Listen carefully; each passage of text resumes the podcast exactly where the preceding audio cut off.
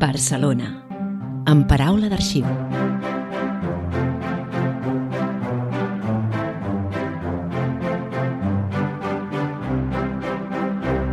Us donem la benvinguda al podcast de l'Arxiu Municipal de Barcelona. Som en Javier Casanef. i en Pere Andreu Geriot. Avui l'episodi serà molt especial. Avui donarem veu a una barcelonina i a un barceloní del passat perquè ens parlin d'ells mateixos i ens expliquin i ens facin veure com eren alguns fets viscuts del passat que per a ells van ser importants en les seves vides. Avui dediquem Barcelona en paraula d'arxiu a una documentació molt, molt propera i que surt de nosaltres mateixos i que ens expressa com poques, els dietaris personals. Barcelona, en paraula d'arxiu. El podcast de l'Arxiu Municipal de Barcelona.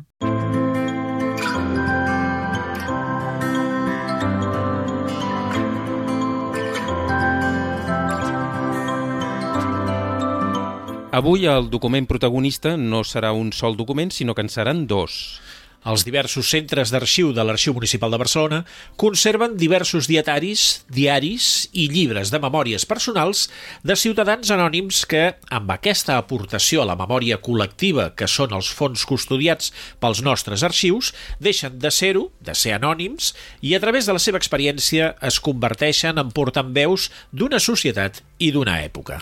El primer dietari personal protagonista de l'episodi d'avui és el de la Clotilde Amat Arroyo, una gracienca.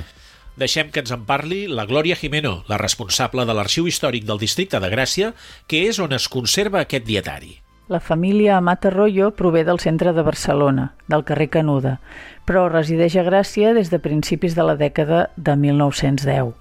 Una de les filles, la Clotilde Amat Arroyo, és l'autora principal i pràcticament única del dietari familiar, excepte algunes anotacions d'una de les seves germanes.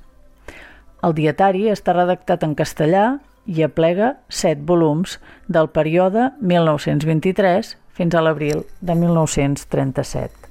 Dels set volums, el primer està escrit en llapis i és el que ha patit més el pas del temps. La resta, escrits a tinta, es troben en un bon estat de conservació, un dels trets més comuns d'aquests dietaris, diaris i textos de memòries que es conserven i podem consultar als centres d'arxiu de l'Arxiu Municipal de Barcelona és que gairebé tots són fruits de donacions particulars. Aquest no és pas una excepció. El diari va ingressar l'any 2013 a l'Arxiu Municipal del Districte de Gràcia fruit d'una donació. La donant, descendent de la família Amat Arroyo, va portar la documentació a l'arxiu amb la voluntat de que es preservi correctament, però també per posar-la a disposició de les persones que hi estiguin interessades. Aquest diari és una eina valuosa per aprofundir en aspectes relacionats principalment amb la vida quotidiana d'una família benestant de la Vila de Gràcia durant el període 1923 a 1937. Mireu, es tracta de set llibretes escrites amb la vida diària que feia aquesta senyora de Gràcia, la Clotilde Amat, amb una situació personal, diguem-ne, raonablement còmoda. Des de l'any 1923 fins al 1937, 14 anys anotant les petites coses d'una vida que transcorre entre visites a familiars i amistats, comentaris sobre tercers, anar a comprar vetes i fils, algun llibre de tant en tant, algun comentari lleuger sobre l'actualitat social o política, moltes misses i rosaris. La Clotilde Amat, una senyora que vivia a Gràcia amb les seves dues germanes solteres. No sé si us sona la imatge, segur que també eren les més bones veïnes que en una escala poguéssim trobar. Nosaltres hem pogut consultar els dietaris de la Clotilde Amat. Són unes llibretes de paper fi, pautat. Més que llibretes, hauríem de parlar en propietat i dir-ne quaderns, o sigui, que es tracta de fulls mida foli, cosits amb dues embastades pel mig i que, plegats per aquest eix, configuren quaderns de pàgines mida quartilla. Les pàgines estan pautades amb unes línies molt fines, blavoses, i totes elles estan escrites amb una lletra punxeguda, que s'inclina, naturalment, cap a la dreta. Pàgines i pàgines escrites amb tinta blava d'una manera ordenada, pulcra, sense ratllats ni taques, amb paràgrafs tirats per a cada dia de notació. Uns paràgrafs que aprofiten, naturalment, tota la superfície en horitzontal del full, sense marges blancs esquerra i dreta, escrivint de punta a punta de la pàgina, que el paper és car i s'ha d'aprofitar. Deixant, això sí, que sóc gent d'ordre i ben educada, un sagnat en la primera línia de no més d'un centímetre que visualitza clarament l'inici de cada paràgraf. La notació dels dies és a mitja línia, simplement el número del dia del mes, el nom del mes escrit sencer i el dia de la setmana escrit seguit sense comes. I algunes vegades, un detall que ens fa somriure, els graus de temperatura. Dels 14 anys que comprenen els dietaris de la Clotilde Amat, nosaltres ens hem volgut centrar en els dies primers de l'inici de la Guerra Civil, uns dies que van ser l'entrada a un període que, per força, va canviar les seves vides per sempre. Dissabte, 18 de juliol de 1936. Esta tarde Rosina y yo hemos ido a la Hormiga de Oro a comprar un libro y después a los almacenes Univa a comprar hilos. Después hemos tomado el tranvía en la Rambla y hemos ido a casa de la señora Chazal. A las seis y media nos hemos marchado. Al llegar aquí, Paquita estaba en San Juan a confesarse. Rosina se ha ido también. Paquita ha vuelto primero porque Rosina ha ido a buscar el blanco y negro. Diumenge, 19 de juliol de 1936. Esta mañana no hemos podido ir a misa porque se oían muchos tiros y descargas. Ha estallado una revolución y todo el día hemos estado oyendo disparos de ametralladoras y de cañón y como no hemos visto a nadie, no sabemos lo que habrá pasado. Solo sabemos que hemos pasado un día muy angustioso. Veremos si mañana sabremos algo cierto. Dilluns, 20 de juliol de 1936. Seguimos de la misma manera que ayer, o peor, pues según dicen las gentes, van incendiando iglesias y desalojando conventos. Los disparos igual que ayer. Este mediodía nos hemos llevado un susto tremendo, pues los disparos se oían aquí mismo. Después hemos sabido que disparaban contra el convento de la Providencia de esta misma calle. Dios quiera guardarnos de mal y haga que esto se acabe pronto, porque esta inquietud es insoportable. Dimecres, 22 de juliol de 1936. Esta mañana ha telefoneado Rosita si podíamos tener a la madre Ángela y a una compañera suya, pues en su casa no cogen. Les hemos dicho que sí. Y poco después han venido Pepe, Rosita y Emilia a acompañar a las dos madres. Poco después de comer, ha venido Lamir con su marido a decirnos si podríamos tener a dos monjas del asilo de San José. Les hemos dicho que no será imposible porque ya teníamos dos del colegio de las niñas. Lo han comprendido y se han ido enseguida para ver si les encontraban sitio. Allí a las siete y media llaman al timbre. Va Rosina a abrir y vemos a cuatro hombres armados que nos dicen que abramos la puerta. Rosina la abre y entran en el recibidor, uno apuntando con el revólver preguntándonos si teníamos armas y dónde están los hombres de la casa. Les hemos dicho que no teníamos ni armas ni hombres, pues éramos tres hermanas solteras y que podían ir a preguntarlo a cualquier vecino. El del revólver ha dicho a los otros que esperaran, y él ha ido a preguntárselo a Salvador, que junto con otros vecinos lo estaban presenciando. Como ha visto que le habíamos dicho la verdad, otro de los compañeros, al salir, nos ha pedido mil perdones y ha dicho que se habían equivocado de calle. Nos han dado un susto mayúsculo. Así que nos han visto, nos han dicho que no nos asustáramos, que no venían a hacernos ningún daño. ¿Qué caras habremos puesto? Iban con un auto, con varios colchones en la parte exterior, dos o tres hombres más armados y detrás, asomándose por la ventanilla posterior, llevaban una ametralladora, inspiraban una confianza. El susto ha sido grande. Dios quiera que no vuelvan más. A las diez y cuarto he ido a acompañar a las huéspedes a su dormitorio. Dimarts, 4 d'agost de 1936.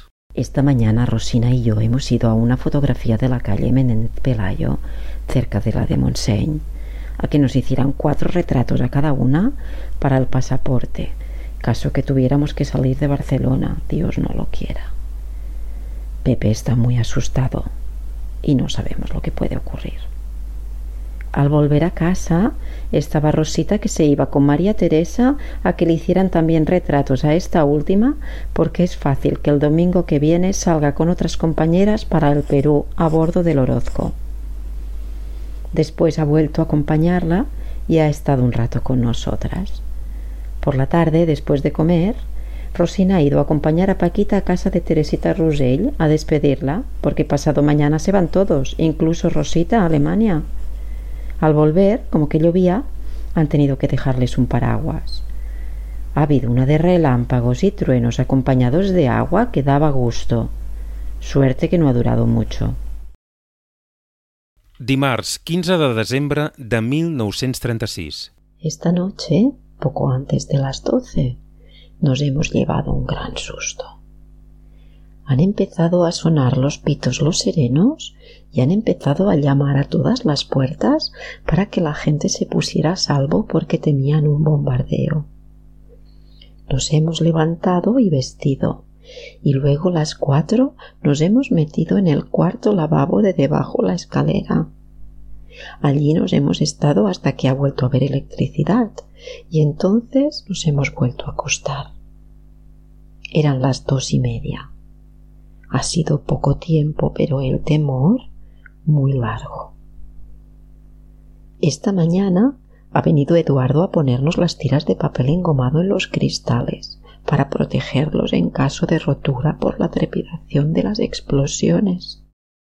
Dimarts 16 de març de 1937. A las siete menos cuarto de esta mañana nos ha despertado un ruido como de un trueno. Enseguida se han oído pitos y sirenas. Ya nos habíamos levantado y al abrir la puerta nos han dicho que habían pasado unos aviones y habían dejado caer algunas bombas. En el pueblo seco y en la Barceloneta. Lo triste es que ha habido víctimas. Rosina ha ido por el pan y le han dado tres. Después ha ido a la única y a comprar comida para pájaros. Por la tarde ha ido a ver a la señora Vilas que hemos sabido que hace unos días que está en la cama. Tiene un poco de gripe. Dimarts 13 d'abril de 1937. Esta mañana Rosina ha salido, pero no ha podido comprar nada. Por la tarde, después de las cinco, ha vuelto a salir para ir por patatas y después de hacer cola la mar de rato se ha quedado sin. Solo ha traído salvado, maíz y almendras tostadas.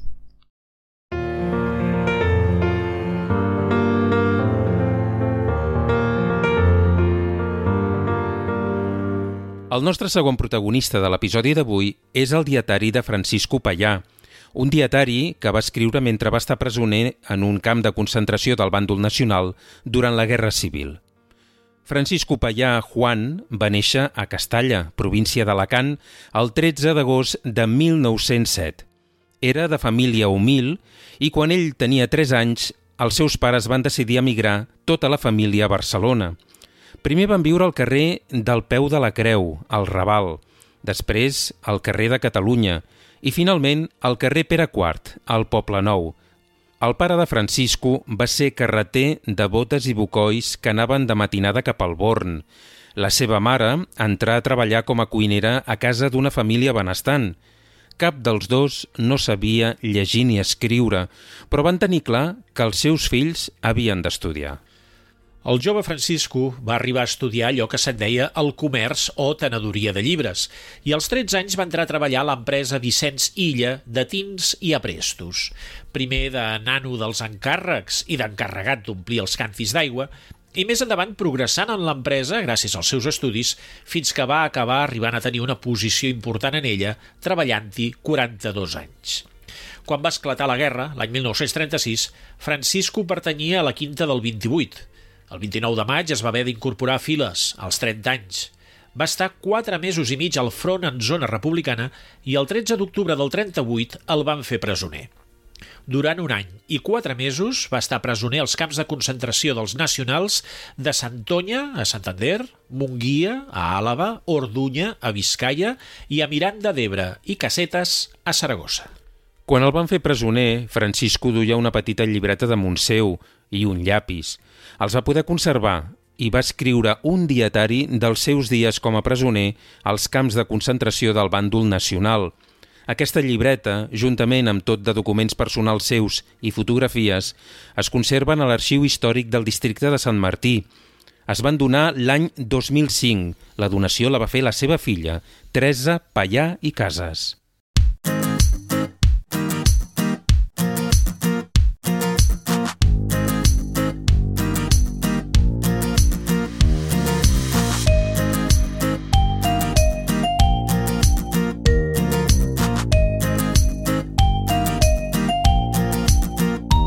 Quan a l'arxiu del districte de Sant Martí em serveixen la capsa on hi ha la documentació de Francisco Pallà, en obrir-la, els ulls se me'n van immediatament cap a ella. És una llibreta petita, és una llibreteta de notes, de la mida de la meitat d'una quartilla, més petita fins i tot, d'uns escassos 10 centímetres d'ample per 12 de llarg. Una llibreteta d'aquelles denotacions efímeres, en les que per força no hi pots escriure gran cosa – de fet, més que llibreta, n'hauríem de dir un bloc, un bloc de notes. Els fulls estan tots units pel cantó superior, amb dues grapes, ja rovellades, i perforats tots els fulls amb forats petitets al mateix costat superior per arrencar-los amb facilitat, si convé. El paper és de baixa qualitat.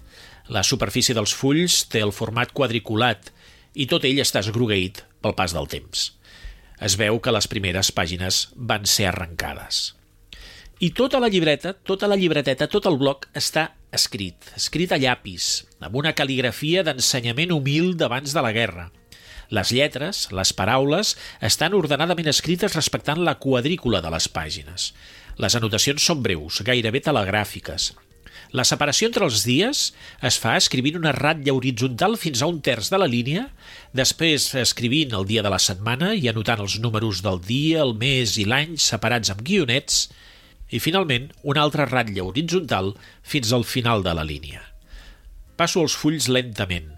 Llegeixo anotacions sueltes d'aquest precari dietari d'empresonament. M'imagino en Francisco amb gana. M'imagino en Francisco brut. En Francisco tenint fred i venint de fer els treballs forçats.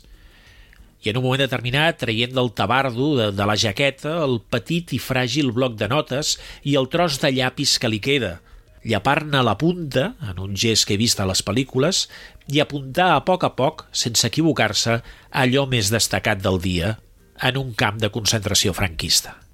El meu respecte cap a aquesta llibreta humil és absolut.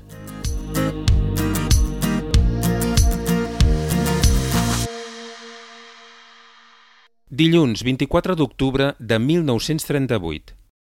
Por la mañana llegamos a Bilbao, pasando sin bajar del tren. Y al atardecer, en el mismo tren hasta Munguía, en Álava, donde por fin nos apeamos y nos trasladamos a un campo de concentración, pasando yo, por continuar con fiebre, a la enfermería, donde me dan un caldo, y pasamos aquí la noche. Diumenge, 6 de novembre de 1938. Hoy he escaldado toda la ropa para suprimir los miles de piojos, que estaba llena. He podido dormir más tranquilo. Dijous, 17 de novembre de 1938. Por la mañana y seguidamente al toque de Diana, tocan llamada y nos hacen formar a todos los que estamos en este campo, o sea, un total de ochocientos y pico de hombres.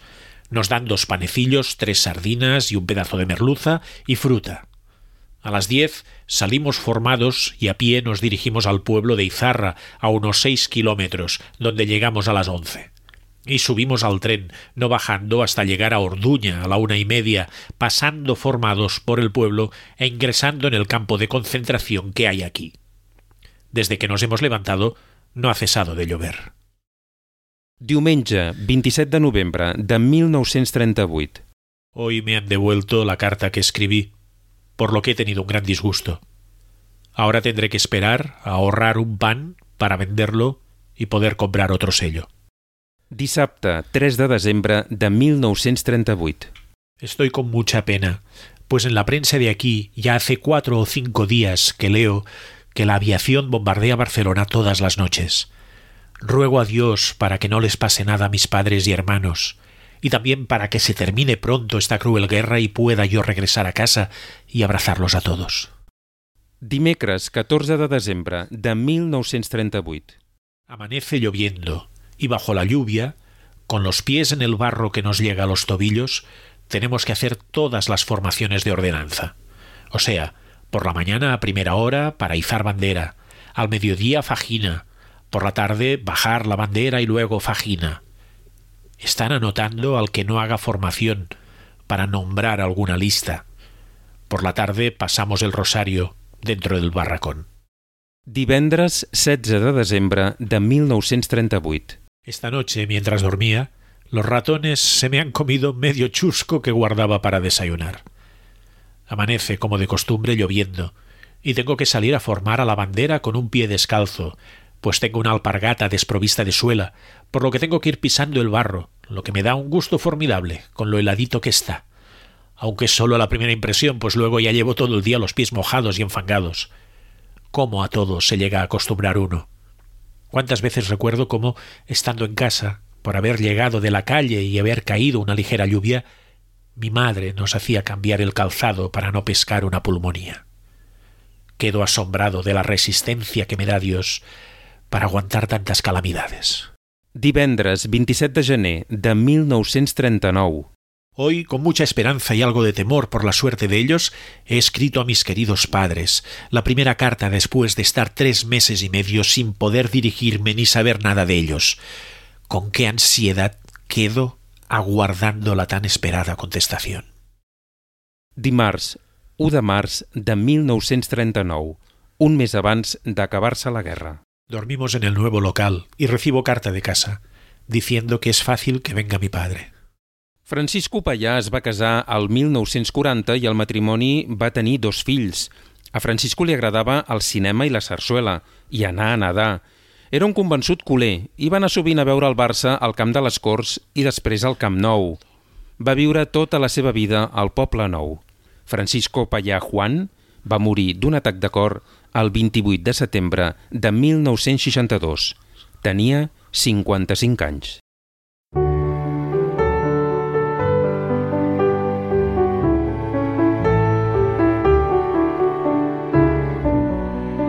Fins aquí aquest desè episodi de Barcelona en paraula d'arxiu, el podcast de l'Arxiu Municipal de Barcelona amb un reconeixement especial a l'actriu Alicia González La, la nostra veu habitual de Barcelona, per la seva col·laboració en les locucions.